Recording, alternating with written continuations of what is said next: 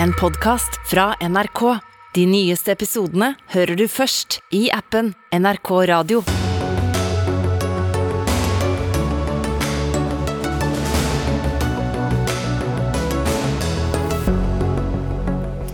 Kommuner står klare med boliger og skoleplasser, men eh, hvor blir det av eh, flyktningene?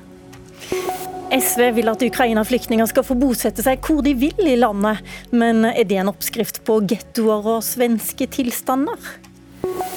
Palestinerne føler seg glemt mens verdens solidaritet retter seg mot Ukraina. Kan Putin bli deres nye støttespiller? Og russen får mye kritikk for ekskludering og lite samhold. Vil det hjelpe om konseptgensere på skolen blir forbudt? Ja, Vi har mange spørsmål også i kveldens Dagsnytt 18, som eh, da i dag eh, blir ledet av Lilla Sølhusvik. Vi skal også selvfølgelig innom OECD-rapporten, som viser at Norge har stø kurs på god vei bort fra regjeringens klimamål. Men eh, først, altså. I begynnelsen av mars fikk norske kommuner beskjed om å gjøre seg klar for å ta imot over 30 000 ukrainske flyktninger.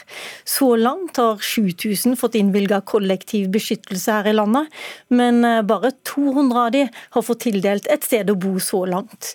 Og Hilde Nyvold, du er ordfører i Nordreisa i Nord-Troms. Dere har vært klare lenge. Hvor mange har du sett eh, så langt av de ukrainske flyktningene? Nei, svært få. Vi har jo et uh, mottak uh, her på Storslett som Hero Norge har gjort en avtale med, med IMDi med. Der er det kommet seks uh, flyktninger fra Ukraina. fra før så har jo Nordreisa kommune gjort et vedtak om at vi kan bosette inntil 18 flyktninger. og så er vi blitt anmoda om å bosette 80 til sammen. Da. Det skal vi behandle i kommunestyret 5. mai. Men vi har ikke sett noen som hittil ville ha bosatt seg i Nordreisa. Du er bare en av eh, mange ordførere som etterlyser disse flyktningene. Men er det ikke litt raskt eh, å reagere nå? Det er jo ikke så mange uker siden hele krigen starta og, og flyktningene kom til landet, tross alt.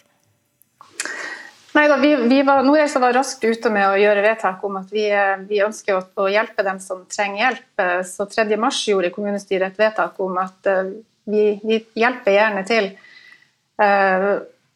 Og vi skjønner at det er kommet veldig mange over grensene. Vi lurer jo litt på hvor de blir ut av. Vi har gjort klart etablert aktivitetssenter. Vi har ansatt uh, ukrainsk faglærer. Vi har helsesykepleiere klar.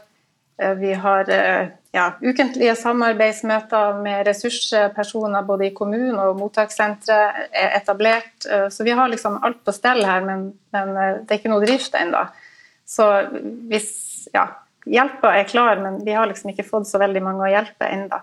Vi har heldigvis eh, folk i studio som kanskje kan svare på spørsmålene dine. Frode Forfang, du er direktør i Utlendingsdirektoratet, UDI, som altså har ansvar for kartlegging og bosetting av ukrainske flyktninger som bor i mottak. Hvorfor er det bare drøyt 200 av 7000 som eh, har kommet ut i kommunene? Nå er det jo slik at Mottaket av flyktninger det går i litt ulike faser. Men, eh, og det er ikke lenge som du nevnte også, lenge siden denne krigen startet. Det er knappe to måneder siden den startet. Det er syv-åtte uker siden eh, flyktningene begynte å komme i noe større antall. Og så skal vi huske på at eh, Siden de begynte å komme i begynnelsen av mars, så har det hver uke kommet flere i snitt enn det det kom som asylsøkere i hele fjor. Så det var et ganske stort apparat som måtte skrus om og tilpasses og ikke minst mobiliseres opp for å kunne håndtere det store antallet. Og Da går det litt i ulike faser. Først har du en initierende mottaksfase. Du har registrering som politiet gjennomfører. og Politiet har gjort en helt storartet innsats med å bygge opp og styrke registreringskapasiteten, som jo var veldig lav i utgangspunktet, til en ganske voldsom kapasitet nå. Og Så har vi fra UDIs side jobbet med å få, få vedtak og få laget systemer, ikke minst eh, få automatisert, delautomatisert Eh, vedtaksfatting, slik at de får vedtak om kollektiv beskyttelse. Så skal de kartlegges, veldig enkelt bare akkurat det som er helt nødvendig for å kunne eh, treffe riktig når det gjelder bosettingskommuner. Og så skal det ut i kommunene. slik at Dette går litt i faser. Den første fasen må vi bygge opp en innledende kapasitet. Det, der er vi nå kommet veldig langt. Så nå er vi egentlig innover i den fasen hvor eh, flyktningene blir klare for bosetting. Så I de nærmeste ukene som kommer nå, så vil bosettingen kunne skje i ganske stort tempo. Og jeg må jo si at eh, Når jeg hører denne utålmodigheten fra kommunene, så syns jeg det for det første er veldig positivt, det er veldig bra. Fordi jeg har hele tiden tenkt at bosetting det vil være den største oppgaven Norge står foran på dette området det mest krevende delen av hele utfordringen vi nå står i. Eh, og det vil kreve mye fra mange kommuner. Og det at det er en utålmodighet og en vilje til å bidra her, det lover veldig godt for det som står foran oss nå. Men eh, det som ble sagt eh, på bl.a. Dagsrevyen i går, det var jo det at eh, kommunene holder tilbake boliger. Og de holder tilbake skoleplasser for disse flyktningene. Og det koster ganske mye for kommunene også. Libe Ribamon, du er direktør i Integrerings- og mangfoldsdirektoratet IMDi. Og det er dere som har ansvaret for kartlegging og bosetting av flyktningene, som altså bor privat. Men hvor er proppen, sånn som du ser det? Det er jo klart som det Frode sier her, at det er et enormt apparat som har blitt etablert på da bare syv uker. Slik at både UDI og politiet har gjort en kjempejobb for å få dette apparatet oppe og stå. Så er det klart at det, det, tar, det tar, tid. Og jeg, forstår jo godt at kommuner er eh, utålmodige, og at de ønsker å bosette, og at de er klare til å å bosette. Slik at eh, jeg er veldig glad for at eh, vi nå er over i en fase hvor vi sannsynligvis i dagene og ukene framover kommer til å kunne bosette langt flere enn det vi har gjort eh, til nå. Jeg skjønner at dere har et behov begge to for å snakke om alle som har gjort en kjempejobb, og det har de sikkert gjort, men likevel så er det altså 200 av 7000 som er klargjort, som er ute i en kommune. Det er fryktelig lite. Jo, men Jeg er ikke helt enig i premisset om at dette er en propp, fordi at dette går litt i ulike faser. Først så skal alle registreres, og du har en innledende mottaksfase. Så skal de få vedtak om kollektiv beskyttelse, og de skal ha en veldig forenklet kartlegging, og så skjer bosettingen. Og Nå er vi kommet til den fasen at vi har fått alle de andre tingene på plass. Det er en stor registreringskapasitet i politiet. Man er à jour stort sett nå med registreringen. Vi er nesten à jour når det gjelder vedtak, eller det fattes nå masse vedtak om eh, kollektiv beskyttelse. Og Da er bosetting neste ledd i kjeden. slik at eh, Det er kanskje noe med forventningene her om hvor fort det er mulig å få dette apparatet til å snu seg. Men snu, etter min oppfatning så har dette gått veldig fort. Eh, apparatet har mobilisert veldig raskt. Eh, og nå er vi straks over i den neste fasen. Og jeg tenker at det er først hvis ikke den fasen fungerer og at vi får til bosetting, da vil jeg kanskje i større grad forstå at eh, man etterlyser eh, hastigheten i bosettingen. Men det er helt som planlagt at disse første fasene måtte vi gjennom først. Og så kommer bosettingsfasen deretter. Og jeg bare, jeg bare ser fram til, at, til den velviljen som nå vises i kommunene, fordi, fordi, det kommer til å bli et krevende arbeid, selv med de som bare er kommet til nå. Og så vet vi jo ikke hvor mange som kommer fremover, så dette kan jo bli et langvarig arbeid som kan bli mye større også enn det vi ser så langt. Så, så hvor stor oppgave dette blir, det, jo, eh, det gjenstår litt å se, fordi det kommer litt an på hva vi nå får av ankomster også i tiden fremover. Ok, Men blant de som da nå er halvparten av de 14 000 som har kommet, de er kartlagt, resten skal kartlegges. Hva er det som skal finnes ut av da? Det er egentlig bare noen helt enkle ting som skal kartlegges, og, og den kartleggingen foregår nå i disse, dager. Det startet nå etter påske, og det foregår for, i full fart. Eh, og Det som man skal sjekke, det er først kartlegge om det er noen helseutfordringer, funksjonshemninger, den type ting som det er viktig, altså som det er viktig for at man kan finne riktig kommune. fordi Hvis det er ting som skal tilrettelegges eh, for en flyktning, så skal det kartlegges på forhånd. I tillegg så spør vi om, eh, om man har en familie eller annet nettverk i Norge som allerede bor i Norge. Fordi det er et mål at man skal bosettes i nærheten av eventuelt nettverk i Norge. Det er de to hovedspørsmålene som, som blir stilt. Og vi har fått på plass fra den uka vi nå har snart bak oss, et stort apparat for å kartlegge dette, med personer som snakker både ukrainsk og norsk, slik at vi unngår å bruke tolker. Eh, og eh, de eh, kartlegger nå i stort tempo, slik at kartlegging, selv om det framstår som en propp akkurat fram til nå, så er den proppen i ferd med å løsne, for å si det sånn. Og dette kommer til å gå fort fremover. Libe Ribamon, du har også vært ute og lovt nå at nå skal det gå fort fremover. Hva er den store forskjellen på Ukraina-flyktningene som kommer nå, og den store flyktningstrømmen som kom i 2015 med syriske flyktninger? Den største forskjellen er jo at eh, den store flyktningstrømmen i 2015 kom over et lengre tidsrom. Mens her er det veldig mange tusen som har kommet i løpet av veldig, veldig kort tid.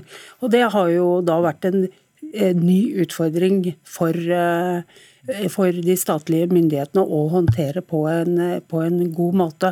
Og Derfor har vi også måttet jobbe på, på andre typer måter. Så når eh, som man snakker om kartlegging, så har vi jo jobbet i fellesskap for å forenkle kartleggingen fra 24 spørsmål og ganske langvarig bosettingsforberedende arbeid til bare tre spørsmål. Vi har utviklet nye digitale systemer, bl.a. at privatboende, som er en veldig stor gruppe, som vi heller ikke er vant til. For vi er vant til at brorparten bor på asylmottak i eh, søknadsfasen, mens nå er det jo da flere som bor privat enn som bor på mottak. Så vi har utviklet et nytt eh, selvregistreringssystem som skal gjøre det veldig enkelt for de privatboende å be om hjelp av det offentlige til bosetting. Men de som bor privat, kan de bare få lov til å bli boende der? Eller må de også til Nordøysa eller Rindal eller eh, Haugesund eller Oslo, eller hvor dere nå bestemmer? Ja, det som er litt komplisert, er at noen bor privat og har ikke registrert seg. Eh, slik at de har vi jo ikke oversikt over. Så er det en gruppe som bor privat hos venner og familie, men som ønsker hjelp av det offentlige til å få bosetting. og Da forsøker vi selvfølgelig da å bosette de personene i den kommunen som de allerede befinner seg i, hvis de da ønsker det. Og Den siste gruppen er jo de som har funnet seg bolig selv, som ønsker å bli boende der, og som har fått vedtak fra, fra UDI. De kan da ta kontakt med kommunen og si at vi ønsker å bo her, og så kan kommunen bare gjøre en avtale med, med IMDi. Det kalles avtalt selvbosetting, og det er noe som vi har et etablert system for, og som fungerer veldig bra. Jeg skjønner du må ha mange systemer. Eh, uansett, Frode Forfang til slutt. Hvor mange flyktninger må Norge nå regne med å ta imot? Vi har hørt 30 000, 35 000, oppimot 100 000. Altså, vi har jo laget ulike scenarioer eh, som, eh, som både vi og andre myndigheter planlegger for. Eh, fordi vi må planlegge under usikkerhet, men å planlegge for at det kan bli veldig mye mer enn det som er nå. Det vi har sett nå, er at det laveste scenarioet som vi presenterte for et par uker siden, det var jo 20 000, eh, altså 20 000-25 000. Og Hvis man tar alle de som er registrert nå, eh, og de som venter på å bli registrert, og de som eh, regjeringen har besluttet skal overføres til Norge fra Moldova og andre løsninger, så er vi allerede oppe i over 20 000. Så vi kommer til å øke det nedre anslaget. Men akkurat eh, hvor vi kommer til å ende til slutt, det er det veldig vanskelig å si. Skulle det komme like mange per dag I fortsettelsen ut året som det er kommet f.eks. de siste par ukene, så vi, snakker vi om 40 50 60 000. Så det er, eh, så det er eh, men, men, dette er veldig usikkert. Dette vet vi ikke.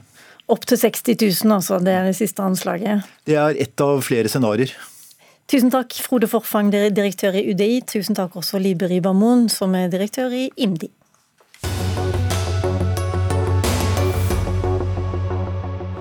SV vil få bort, eh, fortgang i bosettingen av de ukrainske flyktningene ved at de sjøl får bestemme hvor i Norge de skal bo, uten at de mister introduksjonsstøtta. I dag må flyktninger som får opphold vente på bosetting også, fram til de får avtale med sin nye hjemkommune og Integrerings- og mangfoldsdirektoratet, IMDi, der sjefen altså nettopp gikk ut døra. Grete Wold, du er kommunalpolitisk talsperson i SV. Og hvorfor mener du at ukrainske flyktninger må få bestemme sjøl hvor de skal bo? Først og fremst så må vi jo innlede med å si at vi har veldig stor forståelse for at dette er en eh, helt spesiell og ekstraordinær situasjon, og heier på alle de gode krefter som nå virkelig strekker seg for å få dette på plass så fort som absolutt mulig. Samtidig så ser vi jo at det er veldig veldig få som nå er bosatt ute i kommunene. Kommunene begynner å bli utålmodige. De har holdt da, som du sier, boliger og skoleplasser og lagt veldig til rette for å ta imot mange flyktninger, og så kommer det veldig, veldig få, og det systemet jobber veldig tregt. Og Da ønsker vi å se på mulighetene for en økt bruk av det vi kaller for selvbosetting, som også man var inne på, hvor man faktisk har systemer for at man kan finne seg bolig, og noen har også muligheter for å få jobb og sitte med kompetanse som kan komme i gang. Så at man da raskt kan det på plass, uten ikke, å miste kan du, stønader. Kan du ikke da risikere at Nordreisa f.eks. blir sittende enda lenger og vente på ukrainske flyktninger som ikke vet at det finnes en utmerket kommune der i nord som har både leilighet og, og skoleplass for dem? Det er mulig, men vi har ikke noe belegg for å se at det er det som skjer per i dag. Eh, tvert imot så ser vi det er veldig mange som allerede bor hos eh, bekjente eller gode norske hjelpere som også har hjulpet de til Norge, som nå er utålmodige for å nettopp komme for plass i den kommunen som de er. Og vi har ikke noe som skulle tilsi at alle ønsker å komme til et sted, men vi har mange gode muligheter i hele landet. Nancy Hertz, velkommen til deg også. Du er statssekretær i Arbeids- og inkluderingsdepartementet og eh, representerer Arbeiderpartiet. Eh, syns du dette er en god idé? Jeg er jo enig med SV i intensjonen, og jeg mener at det allerede finnes gode løsninger for dette. Det finnes tre måter som man kan bosettes på i dag. Den ene er at man får offentlig hjelp til å bli bosatt i en kommune. Den andre er at eh, man kan bo, hvor man vil hvis man har en jobb, og da har man da som følge ikke de rettighetene som man har krav på som flyktning. Og den tredje er det som heter avtalt selvbosetting, som vi har oppfordra alle kommuner til å legge til rette for. Det betyr at hvis du bor privat hos familie eller venner, eh, og da klarer klarer å ordne f.eks. en leiekontrakt, så kan du ta kontakt med kommunen, som kan godkjenne denne leiekontrakten, ta kontakt med IMDi og få godkjent bosetting i kommunen. Og Da vil man telle som en av de flyktningene som kommunen tar imot. Da vil man få introduksjonsstønad, og da vil kommunen òg motta integreringstilskuddet. Så jeg forstår ikke hva som er nytt i forslaget til SV, for det er allerede lagt til rette for at man kan be om å bli bosatt i den kommunen man allerede er i, eller hvor man har familie. Hva er nytt, Grete Wold? Det er veldig gledelig å høre at regjeringen er på ballen her og nettopp eh, ser på disse mulighetene som vi foreslår at man skal bruke i mye større grad enn det man gjør per i dag. Så ser vi jo at det fortsatt er noen utfordringer, og at kanskje ikke informasjonen er godt nok eh, formidlet ut, og at det er flere som allikevel blir stående litt i stampe. Så vi tenker jo at det er et forbedringspotensial på dette, og viser da til både forslaget vårt, og vi ønsker også at man skal kunne sette i gang en følgeforskning på det man nå gjør med de ukrainske ukrainske flyktningene, og se om denne måten man nå løser utfordringen på, kanskje også er god overfor andre flyktninger. Ja, for det var det jeg lurte på. Eh, skal dette gjelde bare for ukrainske flyktninger, eller gjelder det også syrere, irakere, afghanere som kommer til Norge? For SV så er det viktig å tenke at mennesker som er på flukt, er sårbare mennesker, helt uavhengig av hvilken krig og krise de er på flukt fra. Så vi ønsker ikke stor grad av særordninger for enkelte grupper, så vi mener at dette bør eh, gjelde for alle. Så er det en spesiell situasjon nå, og det er mange ukrainske flyktninger som kommer, så muligheten til å kanskje prøve ut dette litt midlertidig, og som sagt, følge litt med, evaluere, se om dette også er en god måte å jobbe på videre fremover, det tenker vi er en god idé. Og da er dette en oppskrift eh, på gettoisering og svenske tilstander, og en masse med flyktninger kommer til å velge seg til de mest sentrale strøkene der det går øh, fly, gjerne sørover i Europa, eller der, der er andre ukrainere fra før, er allerede ute på sosiale medier nå. annonsert. Jeg er ikke så bekymra for det. For jeg mener at den norske modellen, hvor vi har en spredt og styrt bosetting, det er noe som har gagna oss godt. Men er ikke det det du går bort ifra nå? Det er ikke det som jeg snakker om med eh, avtalt selvbosetting. Det er ikke noe nytt. Det er ikke noe som er kommet pga. de ukrainske flyktningene. Ok, Men det betyr at eh, de kan egentlig bare velge å bo hvor de vil, da? Eh, man kan bo der man vil, så lenge man har kontakt med kommunen og har fått en avtale med IMDi.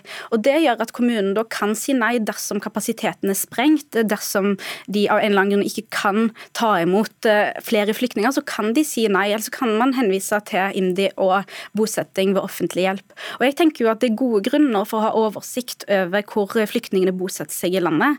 Og Det handler jo bl.a. om at integreringen den skjer i lokalsamfunnet, den skjer i kommunen. Og da må du jo komme til en kommune som har tjenestetilbudet som du trenger. Eh, man kan ikke havne i en situasjon hvor eh, det f.eks. kommer at alle kommer til Oslo, og så blir kapasiteten sprengt, eller så får man ikke muligheten til å skalere opp. Vi trenger at flyktninger blir bosatt over hele landet. Eh, men jeg er ikke bekymra, fordi jeg vet at kommunene de er der, de vil bosette. De er klare til å ta imot. Eh, og så vil det være de som klarer å finne en kommune og en leiekontrakt og få avtalt selvbosetting. Og så vil det fortsatt være de som trenger å bli bosatt ved offentlig hjelp. Da må jeg bare få lov til å si at eh, ordføreren i Sarpsborg, som tilhører ditt parti, Arbeiderpartiet, han han eh, snakka i Politisk kvarter for noen uker siden om problemet med at flyktninger som ikke lenger måtte bo i sin kommune på Vestlandet eller i Nord-Norge, de kommer til Sarpsborg. Selv om det var dårligere arbeidsforhold, dårligere boforhold. Det var fellesskapet som var viktig. Ikke det, kan ikke det være et potensielt problem? Jeg tenker at eh, på, på sikt, når man har bodd i Norge en stund og ikke lenger er flyktning eller har flyktningstatus, så har man jo rett til å bo der man vil. Og Det viktigste da er jo at vi gjør eh, distriktene mer attraktive å bo i, sånn at folk har lyst til å bo rundt omkring i landet. Vi må sørge for jobber over hele landet, det er noe som eh, vi jobber med. Og så er jo kommunene òg eh, veldig klare på at de er klare til å ta imot, både i Nord-Norge og på Vestlandet. Og vi trenger å ha en viss oversikt over hvor i landet folk bor. Og Det handler som sagt både om at de skal få de rettighetene de har krav på, de skal få tjenestetilbudene. Men dette er ikke noe nytt, og det er viktig for meg å understreke. Dette er noe vi lærte fra forrige, fra forrige, runde. Og, og, regelverket er mye mer fleksibelt. Og så har vi nå på høring flere forslag til å gjøre det enda eh, mer fleksibelt og enda raskere. Grete Wold, høres ut som du slår inn åpne dører. Vi får eh, følge med og se på resultatet etter hvert. Tusen takk for at Grete Wold var med fra SV, og takk til deg også, Nancy Hertz, som er statssekretær.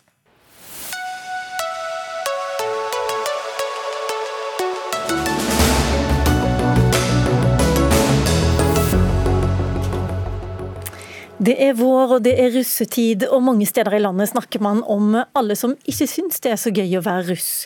I debatten i går fortalte Jonas Rys Sakrisvold om hvordan han ble utestengt fra sin russegjeng. Plutselig en dag fikk jeg bare en melding på Messenger om at jeg får ikke lov til å være med mer. Jeg kan ikke møte de, det, det er ikke sånn det funker. Altså, jeg fikk ikke lov i det hele tatt. Så etter det så mista jeg alle vennene mine, alle jeg kjente. Jeg hadde ingen ingen å gå til, ingen å snakke med. Sånn var det. Nei, det var jo helt jævlig. Ja, det er en av eh, flere beretninger om hvordan russetiden oppleves som ekskluderende for eh, mange. Og Russetida den starter jo ikke i, eh, rett før 17. mai, som en del voksne synes å tro. Den starter gjerne i helt fra første trinn på videregående. Dette er en gammel problemstilling, mener du Ulf Holberg, som er lektor og leder av lektorlaget ved Lillehammer videregående skole. Du mener at politikere i lang tid har fraskrevet seg ansvaret for det som skjer. Hvordan da? Altså, denne debatten har jo gått i årevis. Eh, og det har jo gått fra vondt til verre. Eh, samtidig har det aldri vært snakka så mye om inkludering, psykisk helse og det å ta vare på hverandre i skolen som nå. Eh, så nå kreves det handling. Og man kan ikke overlate dette problemet til elevene, foreldrene eller den enkelte skole. Altså det er et politisk ansvar, og det må handles, og det må skje noe nå. Hva mener du politikerne må gjøre? Det er jo flere ting. Altså, for det første så er det jo sånn at eh, russefeiringen er veldig lang. Altså opptil sju-åtte uker. Så det å få kort, korta ned russefeiringen til én til to uker vil gjøre det mindre attraktivt å legge ned så mye tid investering i å feire og avvikle russefeiringen.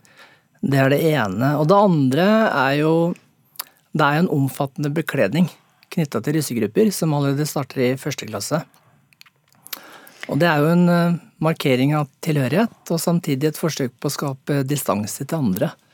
Og um, dette er jo studert og um, grundig dokumentert at uh, det å utsettes for det er en form for symbolsk uh, ekskludering, som faktisk uh, aktiviserer smertesenteret i sentralnervesystemet. Og det gjør at du produserer stress og opplever svekka egenverdi og føler deg nedstemt. Så det går på helsa løs. Ok, Verken statsråder eller statssekretærer i Kunnskapsdepartementet eller Barne- og familiedepartementet prioriterte å være med i denne debatten i dag. Men eh, Elise Vågen, du er andre nestleder i utdannings- og forskningskomiteen, eh, representerer Arbeiderpartiet. Har dere berøringsangst for alt som gjelder russen? Nei, jeg mener at vi har ikke det. Eh, det er viktig å si at de historiene som har kommet fram nå, med Jonas bl.a., som vi hørte et innslag fra her, altså det, jeg tror for alle så stikker det i magen. Sånn skal det ikke være. Og så er det sånn at eh, På mange måter så handler det her også om mobbing, og om at elevene skal ha et godt og trygt skolemiljø. Og Enten om eh, det skjer på vei til skolen, det skjer på skolen, i regi av skolen, eller om det skjer i russesammenheng, så angår det elevene. Og Det er jo helt riktig, eh, sånn som ble sagt innledningsvis her, at det å være utsatt for det, det har sterke konsekvenser. Både rent fysisk og psykisk, men også hvordan du har det på skolen. Vi vet at elever som har det bra, de lærer bra. Når det er sagt, så mener jeg at her må vi komme enda tidligere inn på banen. At altså, dette er på mange mm. måter et symptom. Så klart, det å gå inn i bekledning, det er jo én del av det. Men Jeg mener at Det er jo et symptom på noe som er et skolemiljø som ikke er godt, og at man skulle være mye mer før på banen og sørge for at man faktisk forebygga at dette i hele tatt skjedde.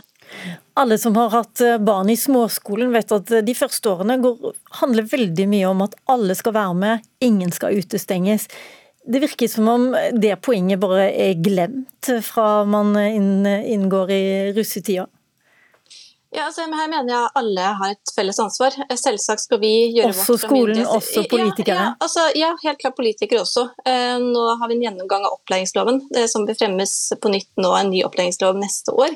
Så klart, Elevenes skolemiljø er en viktig del av det. og Det å sørge for at man har et eh, godt lag rundt elevene, som både handler om skolehelsetjeneste, som handler om miljøarbeidere og som handler om lærere som har kunnskap og kompetanse. Men ikke minst det handler det også om oss som samfunn rundt. Det handler om foreldre, og det handler også om ungdommene som er unge voksne eh, på vei ut i livet, og hvilket ansvar de tar. Så her mener jeg at vi som politikere er nødt til å stille opp, og vi er nødt til å være tydeligere på, og vi må tidligere inn. Vi kan ikke sitte og vente på at dette skjer i tredje klasse. Mange steder så vet vi at dette allerede er et tema i 10.-9. klasse, og da er det for sent å sette det på dagsorden når russetiden kommer.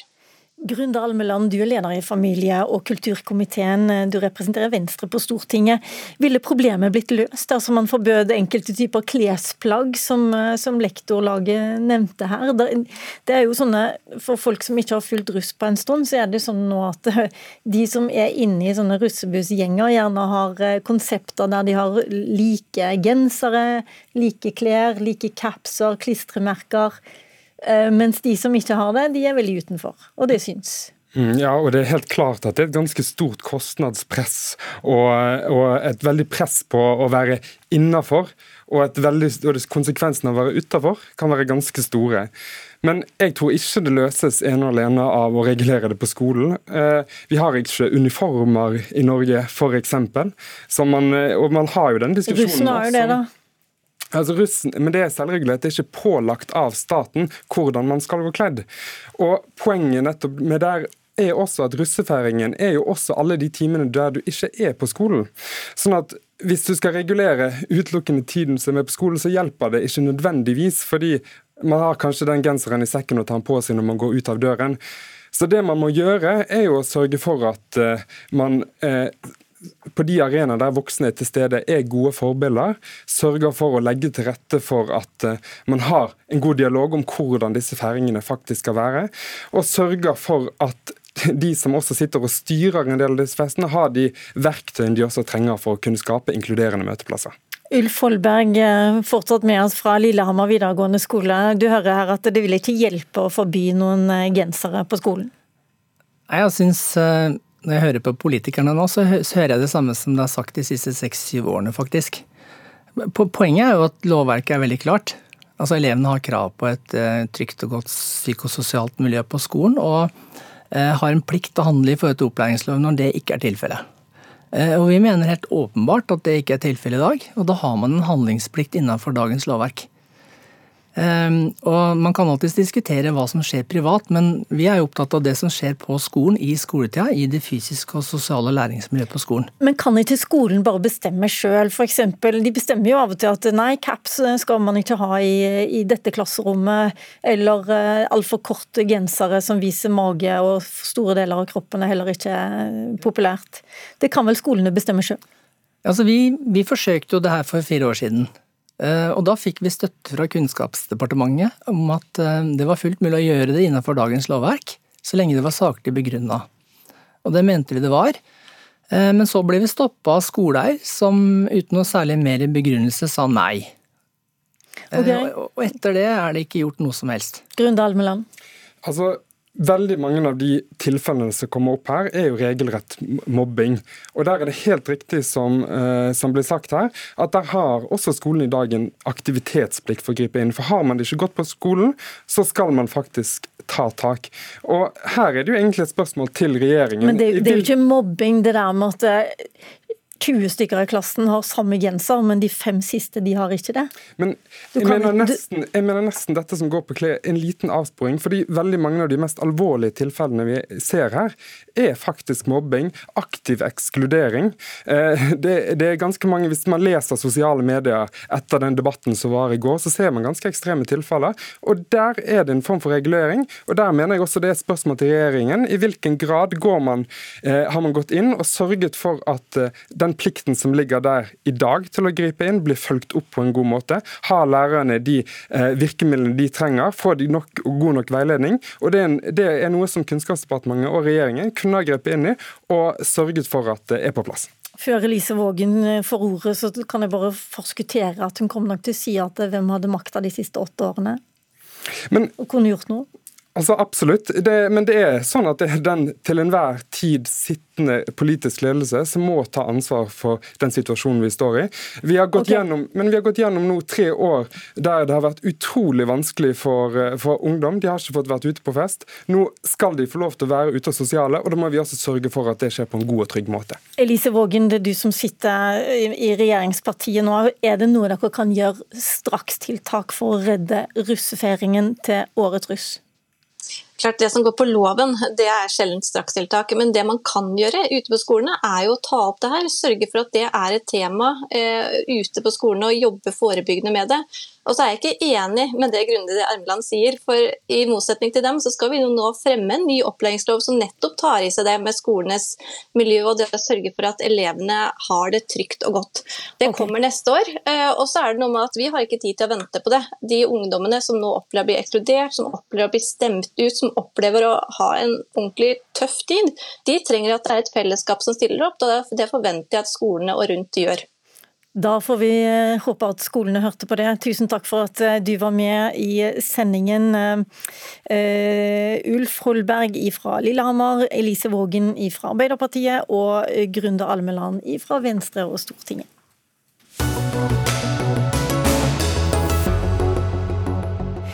La meg bare si at Senere i sendingen skal vi snakke om det indre livet i Høyre. Tankesmien Agenda, som er på sentrum venstresida, har skrevet en analyse som høyresida mener er både uvitende og feil. Men mer om det siden. Nå skal vi til det hellige landet, der det igjen er bråk.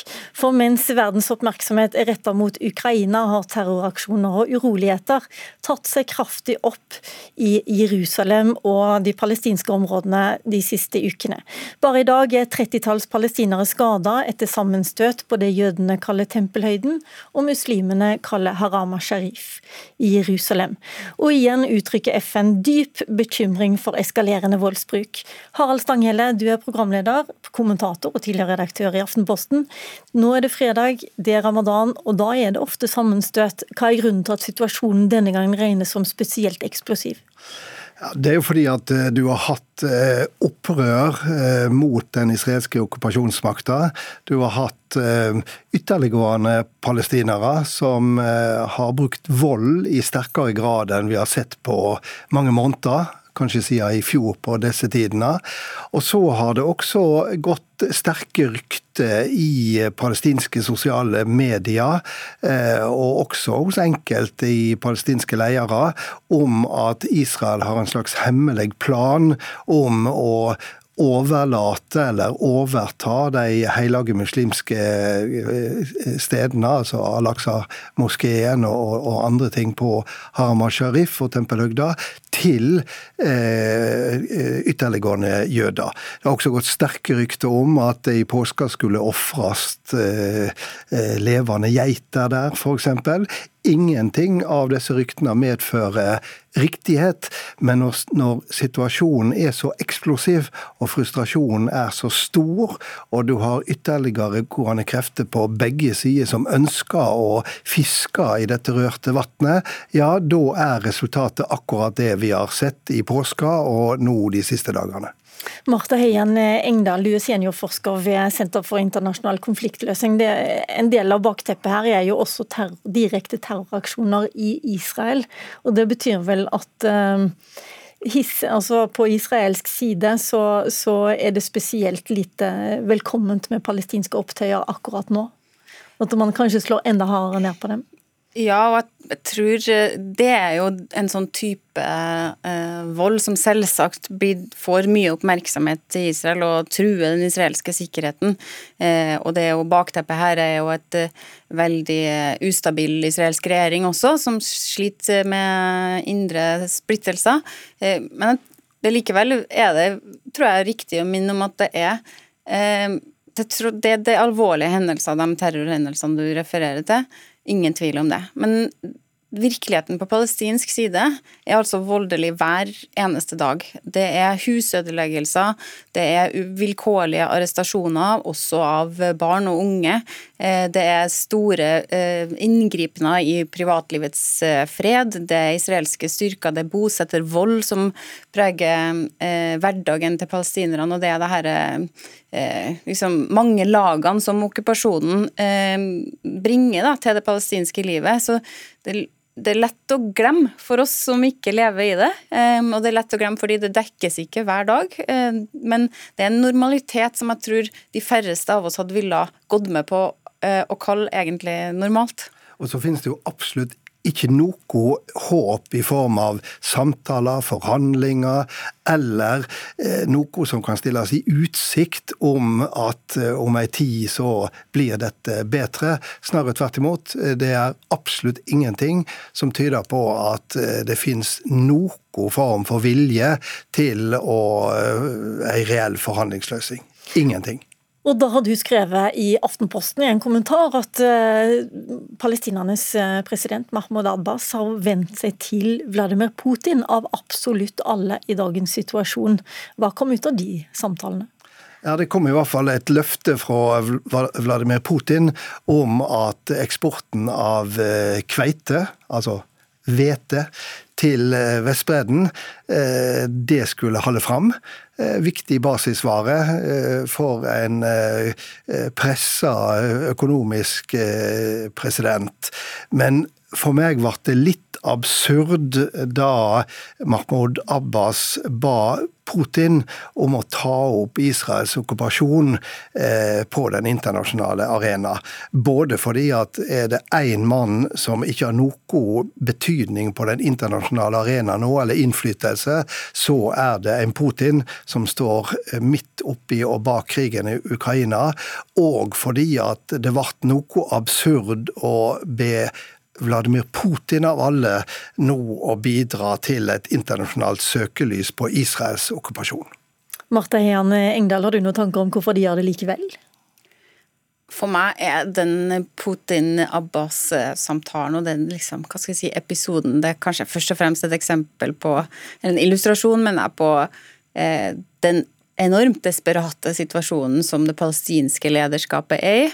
Eh, og deretter en illustrasjon på eh, et annet stort problem i Øst-Jerusalem, og der vi ser volden og eskaleringa nå er som hardest, og det er jo at eh, palestinske selvstyremyndighetene og president Abbas er totalt hjelpeløse i det spørsmålet. Eh, og de som bor der, palestinere i Øst-Jerusalem, de er altså det man ofte refererer til som en dobbel marginalisering. De er uinteressant på noen måte for, eh, for, Israel som annet enn en sikkerhetstrussel, og palestinerne er eh, uten evne til å kontrollere eller ta dem på alvor. Så de er, Den frustrasjonen jeg har eh, dobbel klangbunn, og det er også med på å gjøre det her, at det både er hverdagsproblemene, men helligdommen og hellige eh, som gjør den her sprengbare komboen som vi ser nå. Da. Så, og, så jeg tror nok for meg i hvert fall mest av alt den samtalen er et eksempel på noe helt annet enn, eh, enn at det handler om Putin. Kan det handle om at vennene til Palestina har sin oppmerksomhet et annet sted, Stanghelle? Ja, det kan det nok definitivt. Eh, altså All politisk energi nå, i hvert fall i vestlige land, det er jo retta mot eh, krigen i Ukraina. Og så kan det kanskje være nyttig å legge til at hvis en ser på reaksjonene i Midtøsten, på krigen i Ukraina, så har den vært annerledes enn i Europa og USA. Israel f.eks. For har fordømt eh, invasjonen, men de er ikke med på sanksjonspolitikken til USAs eh, skuffelse. Og palestinerne eh, opprettholder kontakt med Moskva. Det gjør også israelerne, og statsminister Naftali Bennett var den første statsleder som besøkte Moskva etter invasjonen, i et forsøk på å spille en rolle. Og bak så ligger Iran, atomavtalen, Syriakrigen, der Israel og, og eh, Russland har funnet en slags måte å fungere sammen på. Så her er det mange lag i denne konflikten. Man pleier å si om Midtøsten at eh, det er alltid pessimistene som får rett, men eh, er det noe som helst eh, håp, Engdahl? Eh, Ser du noe håp på løsning? Eller skal det altså, bare bli altså, svartere? Um, jeg er jo i en bransje der vi bestemmer oss for å se optimistisk på ting og lete og har håp som strategi, nærmest. Men akkurat i denne situasjonen her, så er det uh, Jeg får ikke øye på et eneste lyspunkt akkurat nå. Ja ja, jeg vil gjerne ha for forsøket, men takk for at dere kom. Eh, Marte Heian Engdahl eh, fra Noref og Harald Stanghelle, kommentator.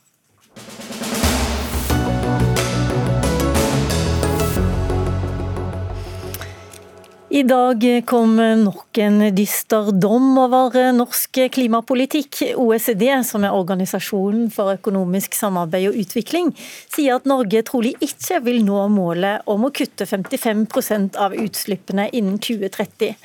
Tvert imot, vi har stø kurs mot å kutte ca. 20% ifølge OECDs anslag. Og Snorre Kverndok, du er seniorforsker ved Frisch-senteret, og det er i denne rollen du er her i dag. Men du er også en av hovedforfatterne bak FNs siste klimarapport, som var den siste rystende lesningen vi, vi hadde her. Du har gått gjennom rapporten fra OECD i korte trekk. Hvorfor når vi ikke målet om 55% kutt? Eh, det er viktig å si at 20 eh, reduksjon er de iverksatte tiltakene i dag. Så man har ikke lagt inn alle planene vi har eh, for framover. Det, det, grunnen til at man ikke når målet, altså det er vanskelig, vi har vanskelige sektorer. Oljesektoren har utslippene økt med 61% siden 1990. En del andre sektorer har det ikke skjedd så mye. Industri har utslippene falt med ca. 40 Um, om vi når målene eller ikke, det er vanskelig å si. Norge har faktisk en veldig dårlig rekord på det å nå målene. De første klimamålene vi hadde, kom allerede i 1989, for de som husker det. Og vi har ikke nådd et eneste klimamål. Og dette kan se ut som vi kommer til å få store problemer med å nå disse klimamålene også. Så du tror ikke det går an? Jo, det går an. Eh, og det har jo blitt vist. Eh, Klimakur har en oppskrift for det, og Zero har en oppskrift på det. Og det er også gjort studier fra SSB. Det går an. Eh, noe av problemet er eh, hvis vi hadde holdt oss til de målene som var satt eh, i 2020, at vi skal oppfylle målene sammen med EU, så ville vi klare det. Det som er vanskelig, er hvis vi skal oppfylle målene alene. Altså uten bruk av kvotehandel andre, eller andre fleksible mekanismer. Og Det er jo det, det regjeringen har lovt. Ja, det står i Hurdalsplattformen. Mm. Det gjør det veldig vanskelig. Problemet med det er at da må vi sette i gang en del eventuelle kortsiktige tiltak som gjør i raske utslippsreduksjoner, men ikke nødvendigvis lønnsomt på lang sikt. Hvilke tiltak da? Nei, vi må sette, altså Et tiltak som er diskutert, er jo bl.a. Eh, elektrifisering av plattformen. Det er et tiltak som vi må gjøre hvis vi skal nå 55% reduksjon hjemme. Men det er ikke nødvendigvis et tiltak som er smart hvis vi ser på globale utslipp. Eh, en grunn til det er at uh, Olje- og gassproduksjon er en del av EUs kvotesystem. Hvis vi reduserer her, så frigjør vi kvoter til andre. Vi får mer gass tilgjengelig. Vi kan selge den gassen som vi ikke bruker til å brenne på plattformene. Dette fører til at gassprisen blir lavere. Gass brukes ikke bare i kraftproduksjon, men en god del gass brukes også i bygninger. Og de er ikke med i kvotesystemet. Og Det kan føre til at gassbruken og CO2-slippene øker i bygningssektoren. Det er vanskelig å si, men det er ikke opplagt at vi får en reduksjon av globale utslipp med elektrifisering av plattformen. Så å nå kortsiktige mål kan hindre langsiktige mål? Ja. Eh, det vi, det vi burde gjøre, er å foreta gunstige infrastrukturinvesteringer. F.eks. karbonfangst og -lagring, havvindteknologi, som ikke nødvendigvis gir store utslippsreduksjoner innen 2030, men som vil hjelpe oss å nå andre mål i 2050, eller mål i 2050. Og Da blir jeg veldig nysgjerrig på hva du har tenkt å gjøre, klima- og miljøminister Espen Barth Eide. Er du for fortsatt oppsatt på å nå målet om 55% klimagassreduksjon innen 2030? Absolutt, det er regjeringens veldig klare mål. og Dette er, eh, er helt sentralt og førende for politikken. og Det er jo nettopp de grepene som, eh, som, blir nevnt her. Altså Det er jo å satse på å få fram de teknologiene som gjør at du får ned utslippene i Norge, men også kan bidra til utslippskutt ute. ikke sant? Og Satsing på karbonfangst og -lagring er et godt eksempel på det. Det å fortsette elektrifiseringen av transportsektoren, få ned utslippene i industrien vår, hvor det er veldig store muligheter for en betydelig reduksjon innenfor aluminium- og stålindustri f.eks., er, er sentrale deler av dette.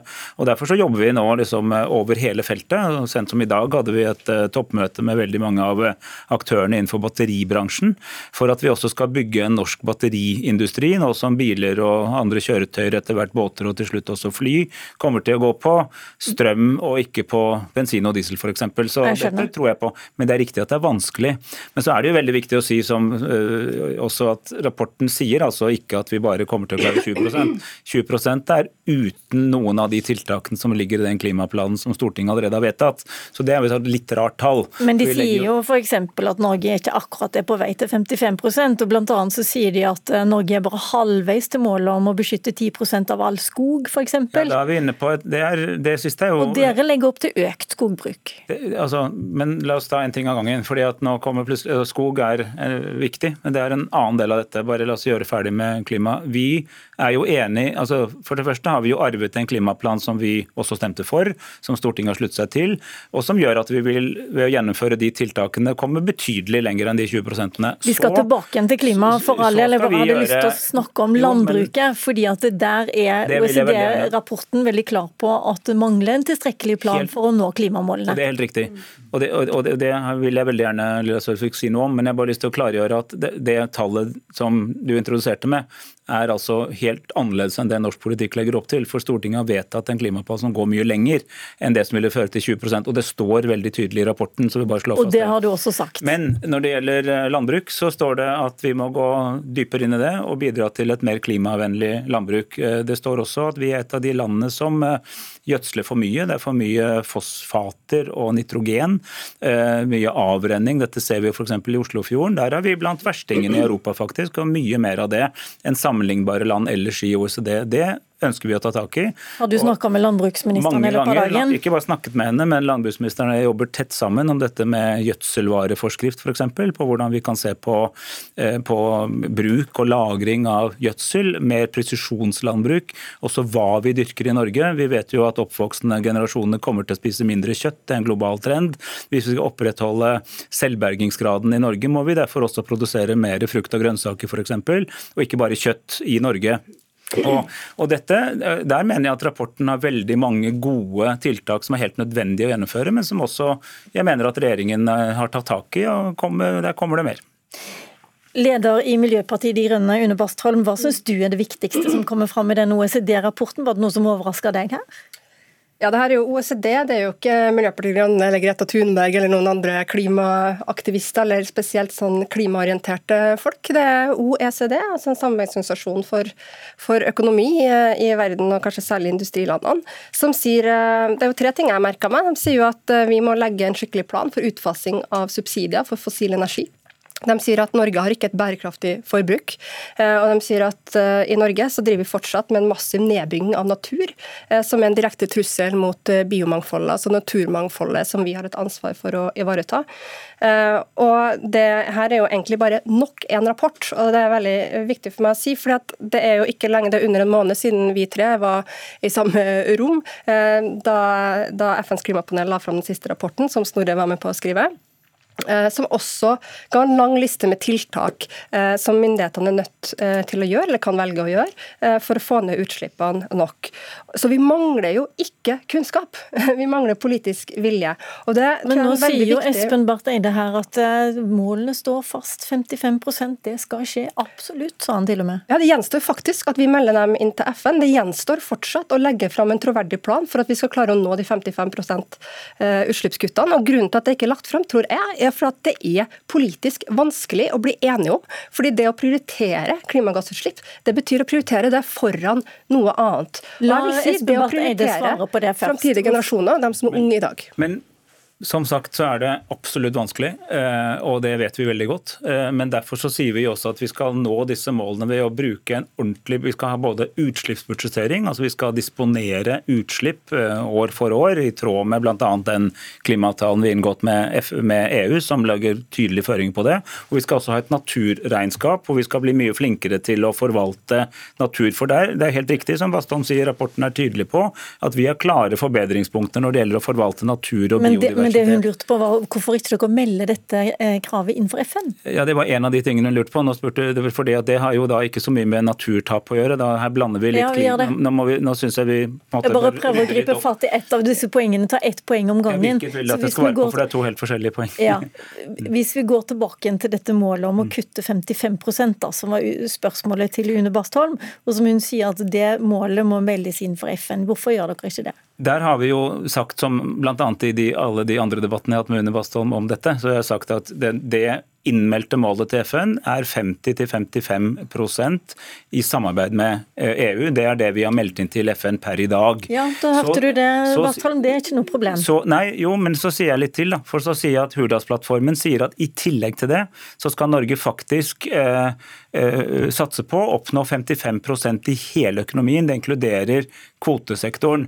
Det betyr ikke at vi ikke skal bruke kvotemarkedet, så det skal vi selvfølgelig gjøre, men vi skal også sørge for at vi har i hvert fall oppnådd et gjennomsnitt av det EU-landene sammen har slått, slått fast. Det er et omstillingsmål for norsk økonomi. Oh, for oss som ikke følger alle disse debattene, det er veldig vanskelig å henge med. må jeg ja, bare innrømme. Det, derfor så tenker jeg at lytterne bør vite hva det betyr. Eh, fordi det er vanskelig å henge med. Og det er faktisk mange av landene i Europa gjør akkurat det samme. De har et felles innmeldt mål som vi er enige om å stå solidariske rundt. Og så sier vi at vi har noen mål på toppen av det som vi prøver å nå nasjonalt. Danmark sier 70% Tyskland sier 65% vi sier 55 til hele den norske økonomien. Okay, og, og vi da... mener at det er rimelig at et rikt land som Norge, som har tjent så mye på olje og gass skal klare det målet. Nettopp. Bastholm, hvis vi skal nå det målet 55% som vi altså ikke er helt på vei mot nå, hva er viktigst for å oppnå det? Det er jo noen sektorer som er absolutt viktigst. Eh, de store utslippene i Norge kommer fra transporten, så den må jo eh, bli fullstendig nullutslipp. Den kan bli nullutslippssektor, og det bør vi gjøre så fort som mulig. Det betyr at da må man bruke avgiftssystemet, og man må gjøre det mye lettere uavhengig av tykkelsen på lommeboka, og kunne være med på den omstillinga. Der har jeg utfordra Espen Barth Eide før på vi kan ha leasingstøtte for elbil, eh, elbil for familier som er fattige. Vi må selvfølgelig rulle ut el nett der det ikke er det. Vi må sørge for at det er mye lettere for alle dem i byer som bor i borettslag og sameier, eh, å få lada bilen, de, sånn at de kan bytte ut sin eh, bensin- eller dieselbil. OECD-rapporten så er det industrien, jeg skal bare slutte, det er industrien, og så er det jo landbruket, og så er det olja. Og her er jo OECD også veldig tydelig på olja, at vi er nødt til å slutte å subsidiere nye investeringer i olje og gass. For det er det Norge gjør i dag. Vi kan glemme debatten egentlig om om når vi skal slutte med olje og gass, som, som vi selvfølgelig har et klart standpunkt på som Miljøpartiet De For de fortsetter å drive jo og subsidiere nye investeringer. Altså Som om verden ikke er i full gang med en omstilling, og Europa nå ønsker å bli energiuavhengig med fornybar energi. Og den debatten har vi også hatt flere ganger, må jeg bare si. Men når det gjelder akkurat det Veldig kort til slutt. Ja, helt til slutt. Altså Når det gjelder elektrifisering i transporten, så sier jo rapporten at Norge er foregangsland i verden. Vi ligger helt forrest. Og det andre de sier at vi er aller best på, er at vi er det beste landet på karbonprising. Vi har både et høyt karbonprisnivå som øker jevnt, og det dekker en mye større del av økonomien enn noe annet land. Så der fikk vi ganske mye skryt av OECD i dag. Okay. Dette er noen av de viktigste grepene i klimapolitikken. Faktisk. La oss oppsummere at vi er gode på noe, da. Og så har vi ganske langt igjen til målet. Tusen takk for at dere kom. Vi må skifte tema her.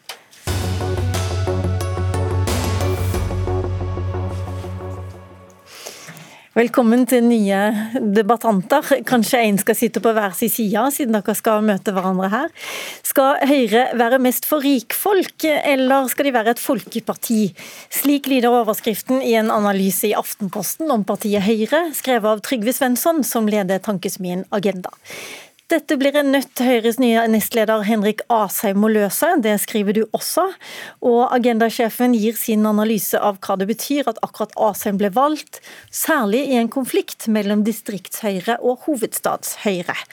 Da har jeg oppsummert sånn noenlunde, men teksten får altså mange i og utenfor Høyre til å riste på hodet og trekke på skuldrene, og du er blant dem, Nils August Andresen, ansvarlig redaktør i borgerlige avisa Minerva. Hva er det du reagerer så voldsomt på? Altså, dette er jo ikke en analyse. Det utgir seg for å være en analyse, men det er eh, en tekst som har et etterlatt inntrykk, som er 'Høyre er for rikfolk, stem Arbeiderpartiet'. Og Måten går frem for å komme til den, eh, det etterlatte inntrykket på, det er at den sier eh, Høyre har fått en ny nestleder. Spennende, hva betyr det? Høyre har stått i spenningen mellom et bredt folkeparti som er trivelig og er glad i distriktene, og et kynisk Oslo skattekuttparti. Og så får man vite at Henrik Asheim han er jo fra Bærum, og da kan man jo tenke seg til at det ligger jo nær Oslo, så da er han antagelig veldig for masse skattekutt, eh, og da går det nok den retningen.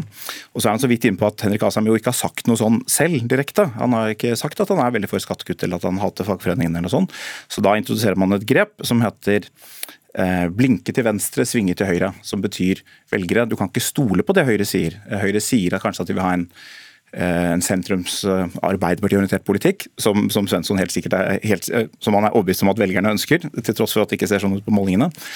Men når de kommer til makten, da er det bare skattekutt og fagforeningshat som gjelder. Men hadde du forventa at du skulle være kjempefornøyd med analysen til sjefen for Nei, Agenda? men jeg tenker at sant, Det er helt greit om, om, vi diskuterer. Det kunne vi sittet og diskutert her. Så kunne han sagt at Høyre er for for mye skattekutt, det er dumt, usolidarisk. Og så kunne jeg diskutert og sagt Nei, man kan godt være for skattekutt uten at det bare er for rikfolk. Og så kunne vi hatt en politisk debatt. Men dette utgir seg for å være en analyse av spenninger internt i Høyre, og det er det ikke. Nå skal jeg forklare hvorfor det ikke er det. Veldig kort. Ja. Veldig kort. For eksempel, altså denne hele greia med at uh, Asheim skal være representant for Byhøyre, er basert på at det er den diktomi by-land, skattekutt, uh, folkeparti. Og så kobler han på Bærum Høyre, som han skriver også er et sånt parti. Men alle som kjenner Høyre vet at det er feil. Altså Det er riktig at Oslo Høyre er kjent for å ha en mer ideologisk tilnærming, være mer liberale. Men Bærum Høyre er det ikke den eneste ideologien Bærum Høyre er kjent for innad i Høyre. Det er at man er veldig for å bygge E18 fra Lysaker til Sandvika. Og Man kan si mye om det. Det er uklokt og det er dyrt. Det er et kinderegg av dårlige ting, dårlig for klimaet også. Men det er ikke liberalistisk skattekutt-ideologi. Trygve Svensson, du er nesten introdusert allerede. altså Daglig leder for Tankesmien Agenda.